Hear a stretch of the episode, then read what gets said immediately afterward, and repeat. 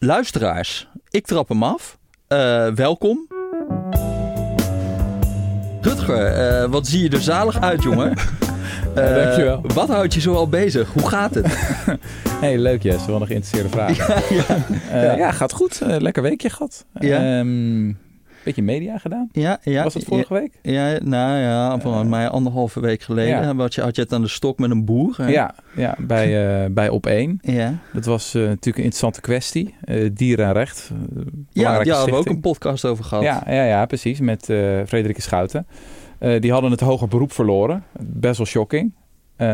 even voor de context. Zij hadden een campagne tegen zuivel in een aantal grote steden. Posters opgehangen. met de strekking zuivel is ernstig dierenleed. En wij dachten toen ook in die podcast van, nou ja, dat is één keer verboden door de rechter, maar dat zal toch een miskleun zijn geweest. Maar dat is nog een keer gebeurd. Dus toen dacht ik, ja, er is nou een windowtje om, uh, ja, zo werkt moderne media wel. Er is gewoon alleen die avond, of misschien nog net de dag erop, kan je er dan iets over zeggen. Dus uh, ja, toen ging ik even in debat met boer Bart Kemp, uh, schapenhouder, um, over de kalverindustrie. Ja. Ja, het was wel een bijzondere ervaring weer. Je hebt daar ook over. Sorry, we moeten natuurlijk wel even de gast introduceren. Ja. We zitten hier met Ties Joosten, onderzoeksjournalist van Follow the Money. Uh, want jij hebt een boek geschreven over de vliegtuigvaart. Uh, daar gaan we het zo over hebben. Maar jij hebt toch ook een keer over kalver, kalverenindustrie geschreven? Een ja. verhaal. Ja. ja, klopt. Ja. ja, daarin loop, wat ik in het verhaal doe is... Uh, meelopen met een, uh, met een stiertje dat net geboren is. En dan van uh, zijn geboorte tot zijn dood. En dan iedere keer kijken in welk economisch systeem die eigenlijk terechtkomt. En hoe daardoor de keuzes worden gemaakt. Ja, uh, ik vond dat echt een volkomen fenomenaal artikel. Dat ja, wil ik er even wel, bij ja. gezegd hebben. Dat was echt een... Uh, alleen dat artikel is al genoeg reden wat mij betreft om lid te worden van Follow the Money. Ja. Verder natuurlijk vreselijke concurrenten. Ja, kijk, ja, kijk ervoor uit. Uh, maar dat was echt... Uh, en ik dacht misschien is het ook wel leuk om daar... Dat je er iets meer over vertelt. Want naar mijn idee zegt het iets over je methode als journalist. je, inderdaad, je brengt dat, leefje, dat leven van dat stiertje helemaal in kaart... door de geldstromen te volgen. Door gewoon te kijken van... Ja, ja wat, wat, wat levert zo'n wat levert zo'n stiertje op? Uh, ja, nou ja, kijk, het begon eigenlijk bij mij bij een feitje. Volgens, ja, dat, zo begint het volgens mij bij meer mensen. Maar bij mij landen het, het, kijk, het verhaal van dierenleed in de bio-industrie. Mm -hmm. Ik bedoel, dat is natuurlijk wel een beetje bekend. Als je een keertje hebt opgelet, dan weet je wel dat dat, dat, dat op zich niet altijd even fraai is. Mm -hmm. Alleen bij mij landde het verhaal heel erg toen ik me gewoon besefte dat... Uh, uh, de diepe waarheid besefte dat koeien gewoon geen melk gaan geven zonder dat ze bezwangerd worden. En als Ja. ze bezwangerd worden, dan komen daar beestjes uit. En die beestjes zijn nou eenmaal de helft van de tijd stiertjes. Ja. Ik had net zelf uh, uh, een tweede kindje gekregen. Ik heb twee jongetjes. Mhm. Misschien dat dan nog iets mee speelt dat ik dan dat lot van die stiertjes zo me enorm Ja. aangreep. Ja. En ja, toen ik me een beetje ging verdiepen in het leven dat die, die stiertjes dan voor zich hebben, dat contrasteert zo gigantisch met dat beeld wat, ja, van de, ook waar we nu, na, wat we nu nastreven, waar we subsidies voor hebben, voor het, het, het, het koe in de wei beeld, zeg maar. Mhm. We geven heel veel geld aan uit. Gewoon de feiten voor zich te laten spreken. Mhm. Een soort van, gewoon dit zijn de geldstromen. Het is, het, het is niet eens een aanklacht tegen de bio-industrie of zo. Want je kan ergens nog wel bewondering hebben voor het feit dat ze dat ze nog iets van waarde uit een stiertje weten te peuren. Want het, het, zeg maar, het alternatief is... Er is geen vraag naar dat kalfsvlees. Dus het alternatief is uh, euthaniseren en de brandstapel, zeg maar. Mhm, Dus, mhm. dus, dus ja... Maar daardoor is- wordt het ook heel koud, omdat het gewoon, omdat je zonder opsmuk dan zo opschrijft en niet van eh, dit is toch zielig. Nee, Maar Maar je is laat zien dat- gewoon heel erg dat van oké, dit is een restproduct. Mhm. Eh, daar proberen ze waarde uit te peuren. En daardoor krijg je toch op zo ongeveer de helft van het artikel echt een beetje een misselijk gevoel van. Jezus, ga- dit gaat maar door ook. Ja. Dus ik vond het. Je gaat het systeem veel beter begrijpen. Ja. Ja. Dat het ook aan elkaar hangt van subsidiestromen. Die subsidies zijn nodig om het überhaupt nog rendabel te maken. Ja. Om, dat, zodat heel wat boeren hun hoofd boven water kunnen houden. Ook de ongelijkheid in het systeem. Dat er een aantal enorme bedrijven zijn die, nou ja, lekker, lekker boeren. Eh, maar dat er heel veel onderknuppels zijn die dat niet doen. Ja. Ehm, je had de tijd eerder alweer, en dan gaan we naar het onderwerp van je boek. eh, een vergelijkbaar stuk geschreven over vliegtickets. Van hoe, hoe kan het Mhm. nou dat die. Hoe kan het nou dat je voor 10 euro naar, wat is het, Dublin vliegt of zo? Ja, ja, ik weet nog dat ik gewoon voor zo'n reclamebord stond van de... Voor, ik denk dat het Ryanair was. Mhm. En Tuurlijk. stond dan zo 25 euro naar Gran Canaria. Dit is toch ook wel echt belachelijk. Ja. Weet je, dit, als je, ik ben klimaatjournalist, dus ik, je hebt, ik heb er heus wel een keertje uitgezocht van... nou, wat zijn zo'n beetje de keuzes die ik als mens kan maken... die de Mhm. meeste klimaatimpact hebben. Iedereen die dat gedaan heeft, weet dat vliegen gewoon eh, met kop en schouders boven de rest uitsteekt. En dan zie je daar voor een paar tientjes een, vlieg, een vlucht naar Gran Canaria staan. En ik dacht, dit is toch ook echt... Is toch echt krankzinnig eigenlijk. En hoe kan dit nou? Weet je, hoe, hoe, hoe kan dit nou maar 25 euro Voor kosten? dat Ja. bedrag kom je niet in Maastricht, bij wijze van Nee, dat, spreken. nee, Nee. letterlijk niet. Kan je dat ontleden voor ons? Of krijgen we dan een betoog van 10.000 Nee, ja, woorden? je- ja, Maar wat zouden soort van de korte, de relatief korte samenvattingen zijn van... Dat- dat die sector van subsidies aan elkaar hangt. Dus dat op ieder stapje dat je in die reis maakt... Ik weet niet hoeveel subsidiestromen van toepassing zijn. Ja. Dus weet je, het naar Schiphol toe gaan, eh, eh, de manier waarop we de bagageafhandeling geregeld hebben, de, de, de, de kerosine, eh, de, de, de belastingvrije kerosine, de, nou goed. geen een- btw op vliegtickets? geen BTW. Ja. Ik bedoel, je kan eindeloos doorgaan. Die er uiteindelijk voor zorgen dat je voor 25 euro naar Gran Canaria Want kan wat zijn de Ja. grote kosten voor een vlieger eigenlijk? Dus als je, een, eh, als je gewoon een vliegreis, wat, wat, wat, wat zijn gewoon de kosten? Voor een luchtvaartmaatschappij Ja, bedoel voor je? een luchtvaartmaatschappij, ja. Eh, nou, grof, meestal valt dat zeg maar uiteen in drie delen. Ongeveer drie grofweg gelijke delen. Mhm, Eén is brandstofkosten. mhm. Twee is personeelkosten. En drie is kapitaalkosten. En met kapitaalkosten is natuurlijk waar de investeringen mee gedaan worden. Met name het kopen van vliegtuigen. Maar goed, daar hangt natuurlijk wat vastgoed om. Nou, wat vastgoed, flink wat vastgoed ook omheen. En eh, eh, ja, andere apparatuur die nodig is. En aan alle kanten wordt dat overeind gehouden met subsidies. Eh, ja, maar nu hebben we het heel specifiek alleen over de luchtvaartmaatschappij. En er zijn natuurlijk allerlei. Eh juist het ding is dat er heel veel kosten niet worden doorberekend aan de luchtvaartmaatschappij. Ja. Mhm. Dus, ehm, nou weet je, dit, ik, het zijn zoveel voorbeelden dat het moeilijk is er eentje te Ja, kiezen. ja. Maar de- de- neem, weet je, we, we investeren miljarden en miljarden en miljarden in het bereikbaar houden van Schiphol. Om maar Ja. een voorbeeld te geven. Of we hebben voor bijna een miljard daar een hypermodern bagagesysteem aangelegd. Waar vooral de KLM profijt van heeft. Mhm. Ehm, eh, ja, dat soort voorbeelden. Mhm. eh, eh, ja, dat zijn dus uiteindelijk juist kosten die, die niet of niet volledig doorberekend worden aan de luchtvaartmaatschappijen. Dus Mhm. dat zie je dus juist eigenlijk niet terug op de balans Mhm. eh, van de luchtvaartmaatschappijen. Dat wordt er juist buiten gehouden. Want jouw boek gaat heel erg over KLM. En in het begin van het boek schets je eigenlijk eh, dat- zo'n eh, debat wat dan, kamerdebat wat plaatsvond eh, bij corona. eh, vla- vlak na corona. Nou, en dan weten we allemaal dat al die luchtvaartmaatschappijen eh, zwaar in de shit zaten. En wat dan opvalt is eigenlijk dat het hele politieke spectrum een soort van... Ja, bijna liefdesrelatie heeft met die eh, luchtvaartmaatschappij. En dat jij dan zoiets zegt van... is toch eigenlijk wel merkwaardig van... wa- waarom hebben we bij dit bedrijf nou zo'n liefdesrelatie... en wordt er hier niet zo zakelijk aangevlogen? Aangevlogen, leuk. Mooi, mooi. Maar, eh, maar kan je dat uitleggen? Waar, hoe komt dat eigenlijk dat we dat... eh, Nou ja, dan, dan kom je denk ik in de hoofdthema, een van de hoofdthema's van het boek. Daar, daar, daar besteed ik heel veel woorden aan om dat goed te onderzoeken. mhm. Eh, eh, het is eigenlijk iedere periode in de geschiedenis is het eigenlijk een ander verhaal wat de KLM over zichzelf vertelt en waar de politiek dan in gelooft. Zo, de KLM is opgericht vanuit het idee dat we eh, zo snel mogelijk een snelle verbinding moeten hebben met de kolonie. Dat Nederland dan een koloniaal wereldrijk in stand kan houden. Dat we ons kunnen meten met de Engelsen en de Fransen. Eh, we hebben het hier dan over 1919. Dus het is een beetje ja, een, een, Mhm. een, zeg maar een, een late 19e eeuws wereldbeeld. toen wat was het een staatsbedrijf of was het een privaat bedrijf? Nee, het was een privaat bedrijf, opgericht Mhm. als een privaat bedrijf. Maar dan moet je ook weer begri- begrijpen dat op dat moment het bestuur van Nederland, en zeker het buitenlandbeleid van Nederland, heel erg in handen wordt gegeven van eh, ja, grote zakenlui. Zoals de Ventenen van Vlissingen, Cor van Aalst, dat Mhm. soort types. Ehm, die, die, die geven dat buitenlandbeleid vorm. En die zien eigenlijk ja, ook voor hun eigen zakelijke belangen in de kolonie. zien zij wel wat in een luchtvaartmaatschappij. En zij richten dat op. Eigenlijk ook met niet zo heel veel geld. Ook voor hun doen niet. Ze zijn ook wel gewend met wat grotere bedragen te, te spelen. En maar van meet af aan is eigenlijk ook wel duidelijk dat de overheid dan eh, de achtervang zal zijn. En als dan na eigenlijk binnen een paar jaar blijkt dat de KLM helemaal niet winstgevend wordt, dat dat heel moeilijk is om van die techniek een winstgevend bedrijf te maken. Ja, eh, komen er enorme geldstromen iedere keer vanuit de overheid op gang om dat, om dat eh, bedrijf maar eh, ja, te laten groeien Hmm. en in de lucht te houden.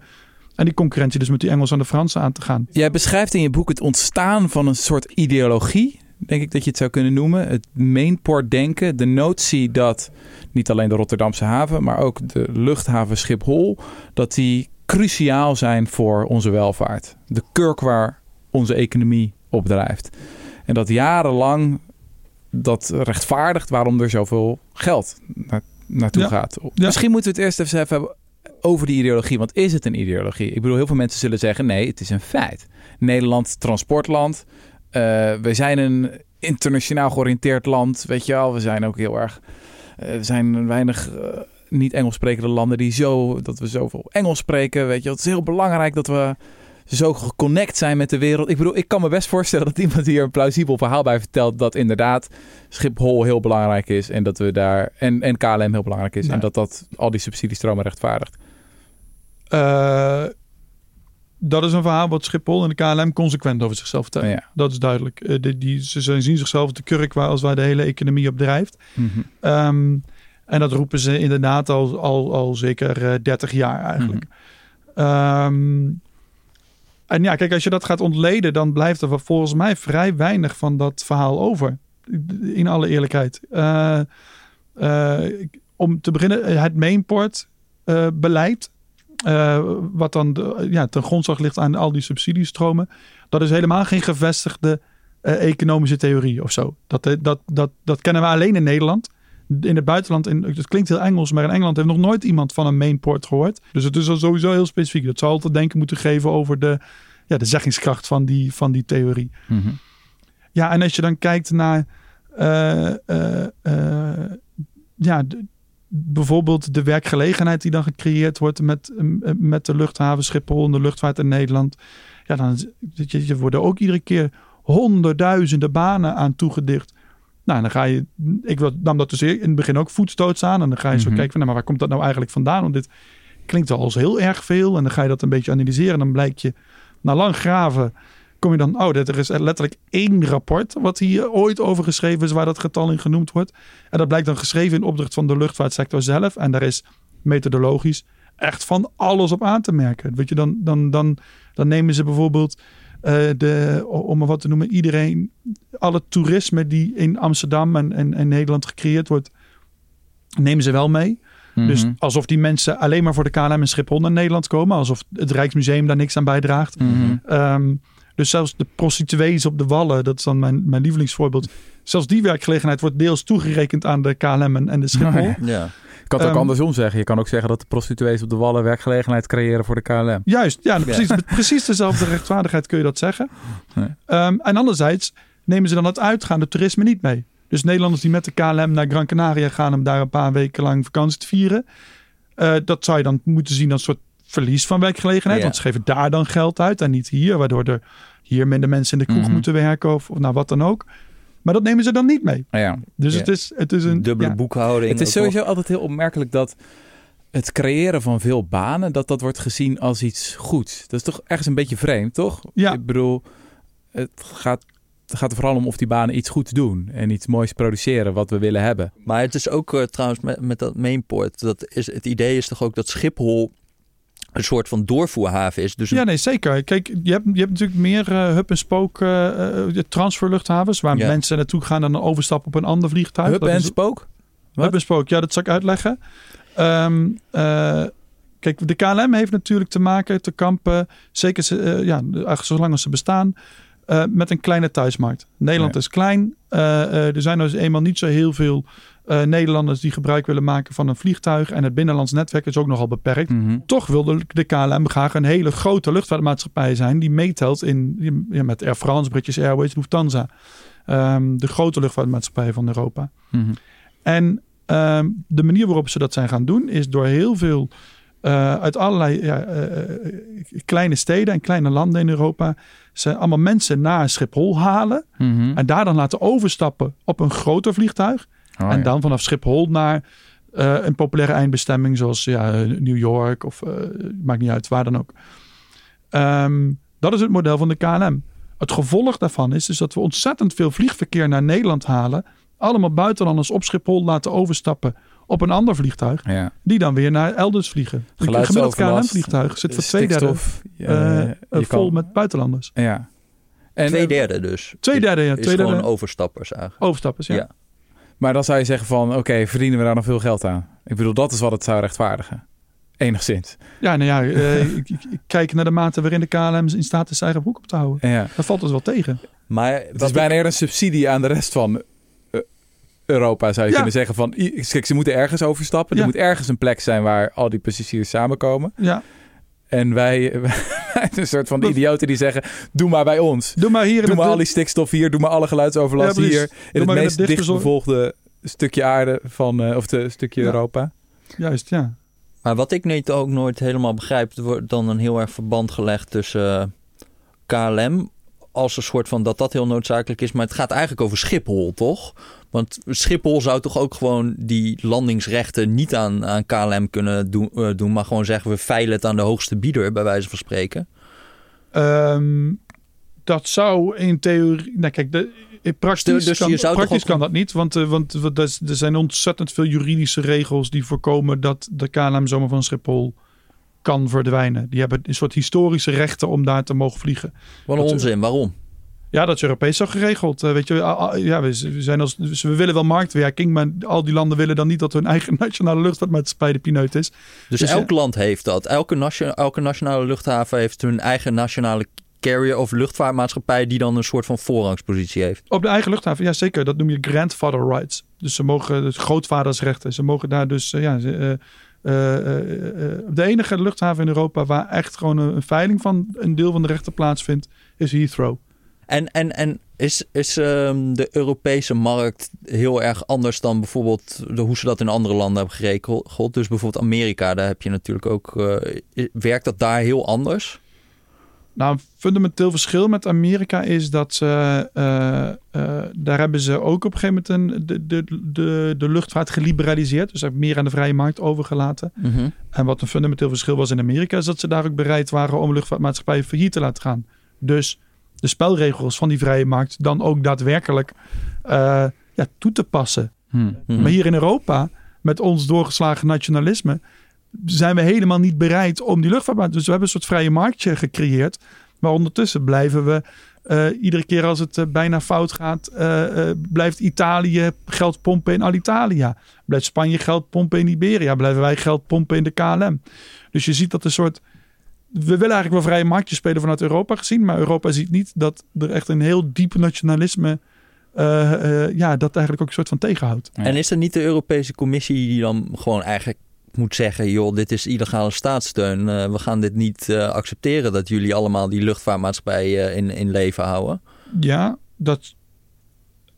Eh, zou, Ja, of je zegt het is, we houden het toch gewoon allemaal nationaal. Maar nu doe je een beetje een soort rare tussenvorm van we doen het allemaal zogenaamd liberaliseren. Maar eigenlijk pompen we er nog steeds gewoon Ja. heel veel geld Hmm. in. ja, en het grote probleem daarvan is natuurlijk dat dit, zeg maar, dat het, de inpompen van heel de staatssteun, dat is natuurlijk een fundamentele reden voor dat die vliegtickets zo laag blijven. Weet je, laat ze Mhm. gewoon, als je niet die staatssteun geeft, dan moeten ze linksom of rechtsom een keer die tickets wat duurder maken, waardoor er gaat, gaat krimpen. En dan kun je wat, dat is wat zinvoller in de Ja. strijd tegen Maar klimaatverandering. is dat nou zo? Want Ry- Ryanair bijvoorbeeld, die is toch niet, juist een soort van voorbeeld van een luchtvaartmaatschappij die helemaal niet eh, om subsidie doet. Volgens mij zit die gast ook altijd eh, uit te varen tegen, eh, dat is eigenlijk best wel grappig, Ja. van dat dat gewoon allemaal vet gemeste KLM's en zo, die, die met dure contracten voor personeel en zo, nou daar kun je ook nog wat voor vinden. Ja. Maar die, die dat is wel de goedkoopste. Nee, dat, dat klopt. Dus, je- dus je zal ook aan, aan- het mes zal het, het aan twee kanten snijden. Je zal ook eh, eh, wellicht een, een, een scherpere sturing op het beheersen van de kosten eh, zien. Mhm. Hoewel je je maar moet afvragen natuurlijk, dat zeg je heel terecht, of het nou zo wenselijk is eh, dat eh, zo'n Ryanair dat eh, op zoek gaat naar de jurisdictie met de allerslechtste arbeidsvoorwaarden en dan van daaruit officieel opereert en ja, stewardessen en, en tegen een minimumloon en piloten.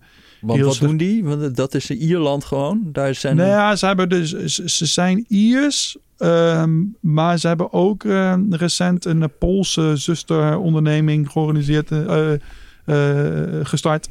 Waar een deel van het personeel dan verplicht weer onder, eh, eh, onder valt. Oh, ja, Dat, heeft, dat, heeft, dat heeft gewoon puur arbeidsrechtelijke eh, eh, ja, redenen. Want Maar ook was een. Ryanair-ticket is uiteindelijk nog stevig ge- gesubsidieerd, toch? Wel op alle andere vormen. Dus, dus, je- dus inderdaad, dus ook, ook zij betalen geen belasting op de kerosine. Ook zij betalen geen btw op de tickets. Eh, eh, ja, ook zij maken gebruik van allerlei in- airport infrastructure. Ja, die we, ja. Als we dus de echte prijs zouden betalen voor vliegen, dat is de krimpstrategie Ja. die je wil hebben. Dus Precies. dan Ja. hoef je verder helemaal niemand meer iemand te shamen of zo. Nee, Dat is de weg voorwaarts, lijkt mij. Want er is toch nu ook al, wel een... eh, eh, zij vallen onder ETS, toch? De luchtvaart, of niet? Of half? alleen... Ja, ETS. sorry, ETS, sorry. ja. De emissiehandelssysteem. Dus ze moeten een prijs betalen voor CO2. ja Eh, dat klopt. Maar alleen de binnen-Europese vluchten. Oké. Ehm, en dat maakt nogal uit, want eh, ja, dat zijn natuurlijk de korte afstandjes. En het, het- is goed dat dat eronder valt hoor, maar laat natuurlijk duidelijk zijn dat de meeste uitstoot plaatsvindt op de, als je de langste afstand maakt. En Mhm. eh, het zal wel handig zijn als dat er ook onder zou vallen, maar dat doet het niet. Ehm, dus dat is één. Twee is, ze krijgen natuurlijk een groot deel van die rechten gratis. Net zoals veel bedrijven een groot deel van de rechten gratis krijgen. Eh, en drie is dat er een enorme lobby nu gaande is vanuit de luchtvaartmaatschappij. Omdat ze zijn nu met hun eigen systeem bezig. Dat noemen ze Corsia. Ja. En dan willen ze, eh, hoe noem je dat ook weer? Eh, willen ze de, eh, eh, eh, de CO2-uitstoot gaan compenseren door eh, ja, eh, iemand anders ergens bos te laten aanplanten of zo. Mhm. Nou, dat is, ehm, dat is sowieso een heel moeilijk te realiseren eh, manier om CO2 eh, eh, ja, te compenseren. Omdat je moet garanderen dat de CO2 uit de lucht wordt genomen door dat bos net zo lang als het klimaatprobleem duurt. Dus eeuwenlang. Mhm. Dan garandeer jij maar eens als, als, als, als bedrijf dat een horizon heeft van per kwartaal. Dat, eh, dat over een paar eeuwen nog steeds dat bos bos is. Mhm. Ehm, dat is heel moeilijk. Ehm, en twee is op dit moment, en dat is dan weer nog het cynische verhaal, is dat, dat, eh, die, eh, dat soort compensatierechten op dit moment goedkoper zijn dan de ETS-rechten. Ja. Maar als het aan Air France, KLM en andere luchtvaartmaatschappijen ligt, gaat dat Corsia-systeem het ETS-systeem vervangen. En Dus- de lobby is dan heel erg... Corsia is gewoon voor de hele wereld, of Ja. niet? Ja. Dus, en, en, en zijn er ook plannen van Europa om te zeggen... weet je, als jij naar Thailand vliegt vanuit Schiphol eh, bijvoorbeeld... dan gaan we gewoon, gewoon jou onder ETS laten vallen voor die hele reis. Ook, eh, ook tot eh, Bangkok, zeg maar. Ja. ja, daar wordt wel over gesproken. Ehm, Maar dan krijg je natuurlijk ook dat ze aan de grenzen weer gaan uitwijken naar... laten we dan maar even in eh, Minsk of zo... eh, de, eh, want dan val je niet meer onder Oh, ja, ETS, ja, ja, ja. of niet? ja, nee, Of Heathrow zal er wel blij mee zijn. Ze zijn wel bang voor dat soort, eh, dat soort eh, eh, eh, ja, eh, hoe noem je dat ook weer? Dat het uh, wegdruppeleffecten, ja, ja, zeg ja, maar. weglek, ja. Ehm, dat is in ieder geval het argument van de luchtvaartmaatschappij, luchtvaartmaatschappij hier tegen. Mhm. Ehm, eh, maar ik denk, ja, ik, ik denk dat dat eh, uiteindelijk nog wel mee zal vallen. En weet je, uiteindelijk, als er daardoor wat minder vliegverkeer plaatsvindt, omdat je wat mensen, eh, eh, eh, eh, ja, dat is juist de bedoeling, zeg maar. Mhm. Dus eh, dat zou ik niet zo'n ramp vinden. Ja. Vliegen moet gewoon duurder worden, dat is glashelder. Mhm. Mhm. En eh, eh, eh, dat moeten wij gewoon hier nu zo snel mogelijk organiseren. Want wij hebben hier ook met heel veel staatssteun een enorme luchtvaartsector opgebouwd. Dus het is ook aan ons om dat weer eh, gecontroleerd een beetje te laten krimpen. Mhm. En ehm, eh, ja, de weglekeffecten. ehm, s- ergens heb ik zoiets van, dat zien we dan wel weer. En dan verzinnen we dan wel weer wat op. En Ja. eh, eh, dan moet je niet, niet groter maken dan, Hm. dan het is. Want Eigenlijk zit het op een heel pijnlijk moment, hè? Dat je gewoon decennia lang zo'n verhaal verkondigt van Schiphol. Zo belangrijk, Kirk, waar onze economie op drijft. Vliegen is iets schitterends. Ik bedoel, ik vind het nog steeds geweldig. Heel lang stond dat voor het cosmopolitische wereldbeeld. Weet je wel, mensen ontmoeten, nieuwe culturen ontdekken, nieuwe keukens. Weet je wel, dat was een goed mens moet reizen. En ineens stort dat hele verhaal in elkaar. Ineens blijkt dat dat mooie cosmopolitici, dat dat, dat dat stinkend is, dat dat vervuilend is, dat het zwaar gesubsidieerd is, dat het een inefficiënte tak is. En dat er ook, en dat is misschien nog wat pijnlijkste, er is niet echt een oplossing. Nee, Toch? Ja, elektrisch vliegen, eh, wordt dat wat? Nee, nee dat, dat vind ik inderdaad een treurig verhaal. Dat vat je goed samen. Dat is, er is geen... eh, er is geen technofix die, eh, die de luchtvaart binnen afzienbare tijd in lijn brengt met, met, met de strijd tegen klimaatverandering. Gewoon niet. Biobrandstoffen, Nee, bio, dit, dit, dit, dat leg ik allemaal keurig in mijn boek uit als je de details wil weten. Maar het is gewoon niet door... 25 niet de weg januari in de betere boekhandel. Maar je, je kunt Ja, zo van... Je, maar eh, ik bedoel, ik, ik bedoel, het idee dat wij dan nu gaan inzetten op eh, eh, eh, dat we mensen moeten gaan overtuigen dat ze helemaal niet meer gaan reizen, lijkt mij heel lastig worden. En ik denk dat als het geen technofix wordt, dat ik het niet zo snel zie gebeuren. Want zelfs als, je het, als, je het, als jij zegt van naar Zuid-Frankrijk vliegen wordt 80 euro duurder. Dat, ja, zelfs dan zie ik niet dat het super veel impact gaat hebben op het hele. Als iedereen rijker wordt, dan gaat die 80 euro ook niet het verschil maken. Maar dat is toch, ik bedoel, dat zijn toch orders van grootte. Kom op. Dat zou toch echt wel een grote impact hebben. Nou, maar wat is het wordt. substituut? Want, er is- want je gaat daar niet een treinlijn, die is en nog veel duurder. Het substituut is vakantie in de rente. Ja, ja, ja. Nee, oké. Ja, en Maar kijk, het, is, kijk, het, is ook Ja. niet, het is ook niet heel makkelijk. Kijk, als het, als het makkelijk zou zijn, dan had ik er niet een heel boek over hoeven schrijven. Ja. Eh, en dan hadden we niet in deze shit gezeten. Maar ze- ja, de nare boodschap is wel... Ja, de- dat vliegen gaat niet heel snel eh, op een andere manier opgelost worden. En de uitstoot ervan moet wel naar beneden. Ja, Dat zijn de twee waarheden.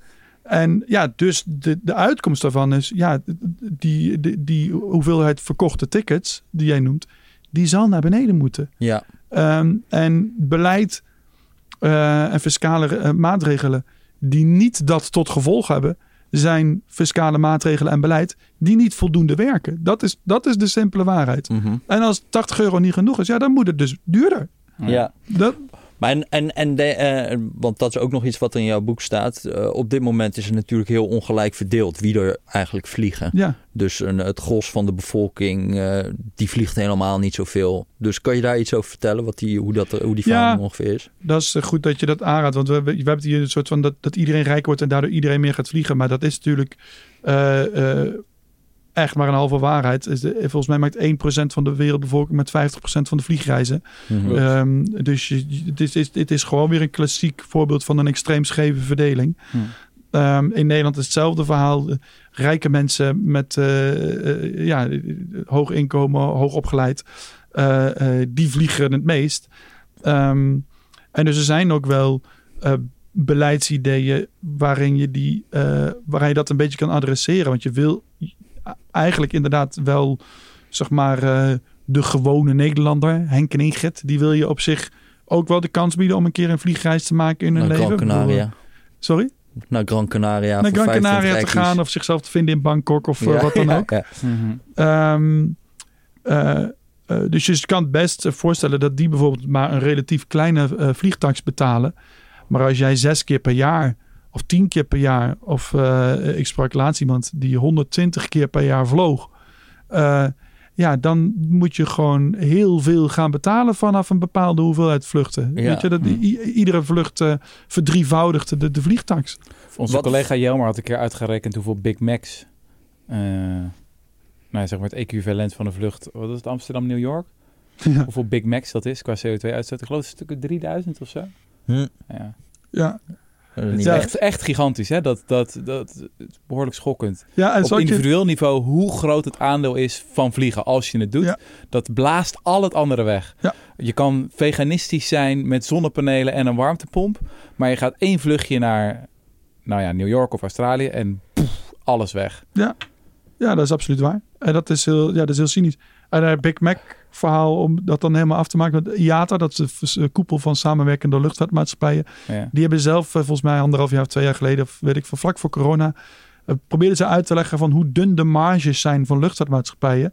En die zeiden, op een gemiddeld vliegticket verdient een gemiddelde luchtvaartmaatschappij minder dan één Big Mac.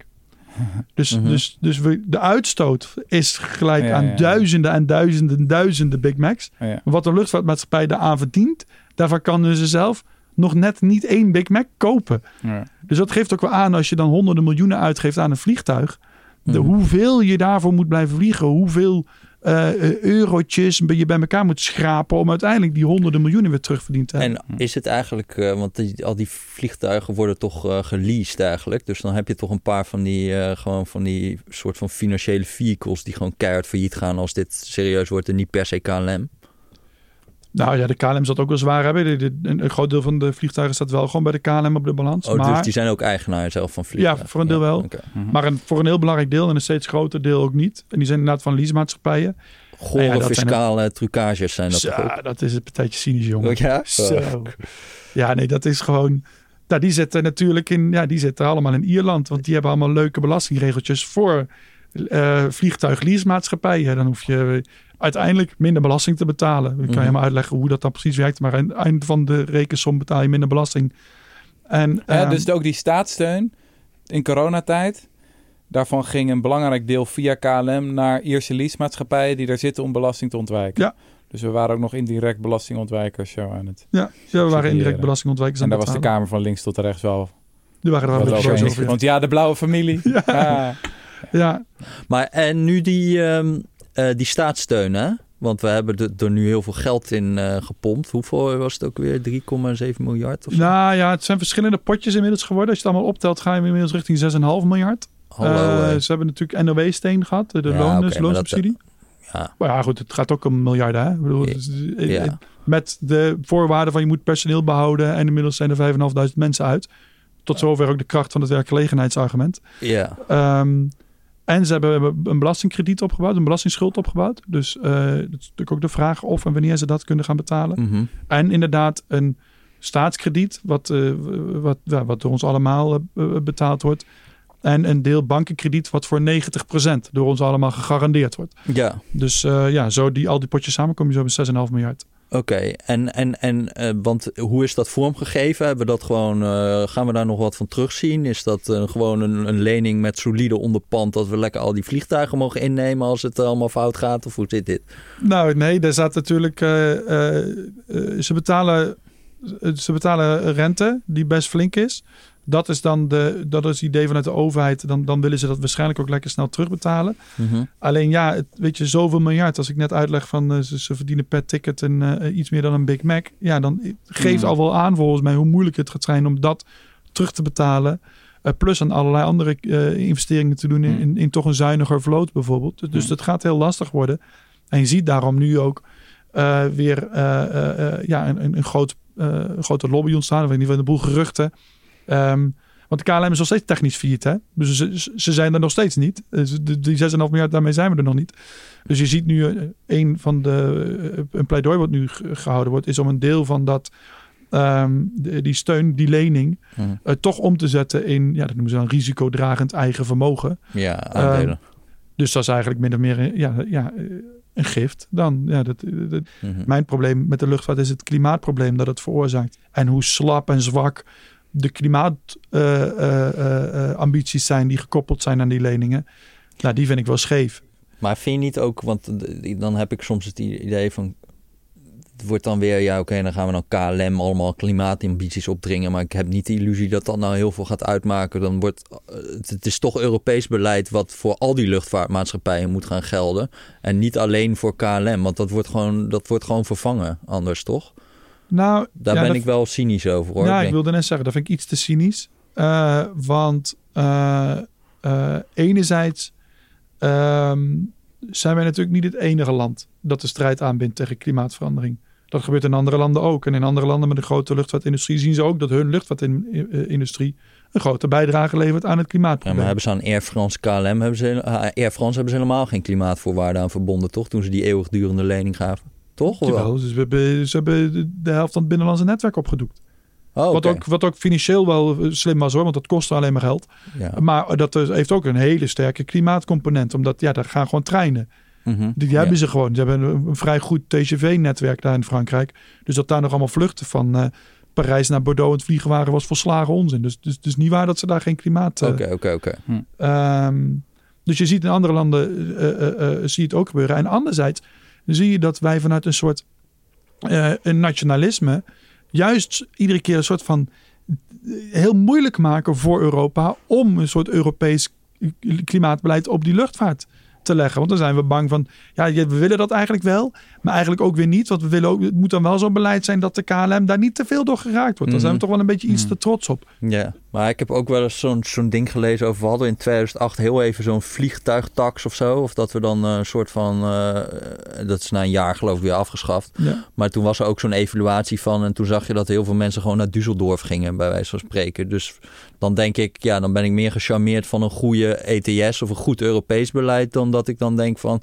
Ja, moeten we hier nou eh, heel veel energie gaan besteden aan een vliegtuigbelasting? Het is niet e- e- helemaal dat het elkaar uitsluit of zo. Maar soms denk ik wel... Maar Ja, er wordt wel is- heel veel energie aan dat soort nationale dingetjes eh, besteed. Terwijl, ja. Nou, maar kijk, kijk, tuurlijk, als je, in een ideale wereld introduceren we een globale CO2-tax die verder helemaal eh, agnostisch is. Mhm. Dus maakt verder niet uit waar je CO2 mee uitstoot. Je betaalt er gewoon voor en dat doe je overal in de wereld precies hetzelfde. Dat zou de ideale eh, fiscale maatregel zijn. Alleen ja, tussen die ideale maatregel en de praktijk staat nogal wat in de weg. Want dan moet je weer onderhandelen met, eh, met Poetin en dat werkt dan weer niet. En dan eh, gebeurt het weer niet. Dus ga je het kleiner kijken. Dan probeer je het Europees. Maar daar zie je dus ook weer allemaal nationale belangen die we dan. Weet je, dan willen we. Weet je, dan wil eh, Ierland toch wel eigenlijk die vliegtuiglease-industrie, die fiscale industrie, willen ze toch eigenlijk Ja. wel een beetje zelf houden. Ja. En die Polen zijn dan toch ook wel gecharmeerd van het ja, feit dat dat. moet je echt doodmaken. Sorry? Die, die, gewoon al dat soort, eh, dat soort nationale belangen, dan moet je echt, dat moet, dat moet echt stoppen, toch? Ja, ik zou voorstander zijn van, de, van, van een Europese eh, commissie die hier als een bulldozer gewoon Ja, een gelijk precies. speelveld neerlegt. Van we gaan gewoon eh, per ton CO2 in de vliegtuigindustrie gewoon een paar honderd euro neerleggen. Ja. Maar ja, je ziet dat daar gewoon allerlei overheden en belangetjes dat allemaal tegen aan het houden zijn of aan het verwateren zijn. En ik vind dat dan, ja, en dan de second best is dat we dat gewoon wel vanuit Nederland doen. We hebben Mhm. die verantwoordelijkheid ook. We hebben massaal geïnvesteerd in een enorme luchtvaartsector hier opbouwen. Die, die, die, die naar verhouding natuurlijk gigantisch is. Schiphol en de KLM zijn voor een klein landje als Nederland natuurlijk krankzinnig groot. Mhm. Hebben we zelf gedaan. Hebben we zelf allemaal geld in geïnvesteerd.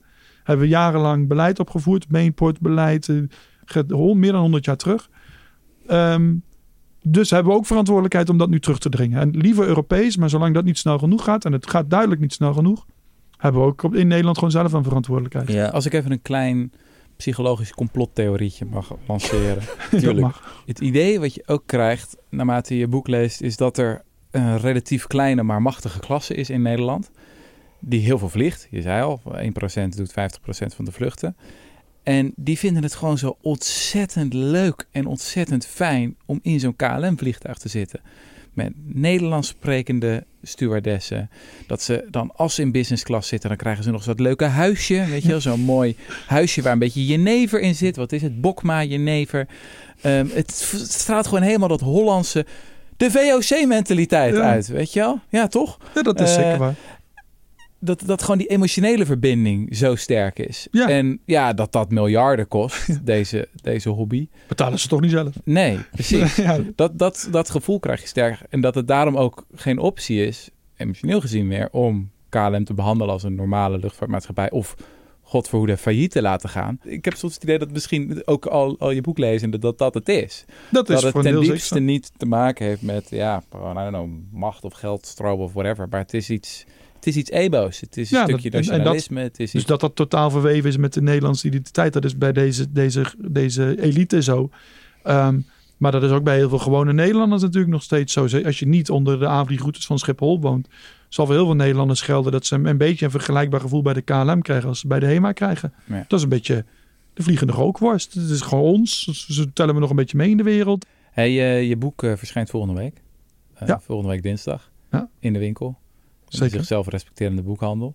En het is het eerste boek dat Follow the Money uitgeeft. Zeg ik dat goed? Dat klopt, ja. Dus dat is ook een spannend avontuur voor jullie als uitgeverij. Ja. Een beetje inspiratie gehaald misschien bij... eh, Ja, ja. Ja, dat zat toch wel. maar nee, echt super vet dat jullie dat zijn gaan Ja. doen. De titel is De Blauwe Fabel. De blauwe Ehm, fabel waarom we KLM al een eeuw lang tegen elke prijs in de lucht houden. het. Ja, Heb jij nog wat te promoten? ja moet je luisteren. Ja, kom maar. Ik zit dus op Telegram, hè. Ja? En daar zit ik in die podcast over media eh, Telegram groep. Ja? En dat vind ik eigenlijk best gezellig. Oké. Dus ik heb nu in mijn eentje een Telegram groep voor de Rudy en Freddy show eh, gestart. Oké. En ik wacht eigenlijk langzaamaan of daar mensen in binnendruppelen. Eh, Kan ik daar ook in? Dat kan. Ja? Ja, ja, Hoe dan? ja. Nou ja, dan moet je gewoon even naar Telegram gaan zoeken. Telegram groep, zoek het maar uit. Dat is eigenlijk het idee. Oké. Oké, ik ben heel benieuwd wat er nou gaat gebeuren. Ja, ik ook. Ik ben ook wel lid. Sociaal Eh, experiment. helemaal mooi. Wij zijn er over twee weken weer. Oké. Toedeledokies. Hoi. Doei doei.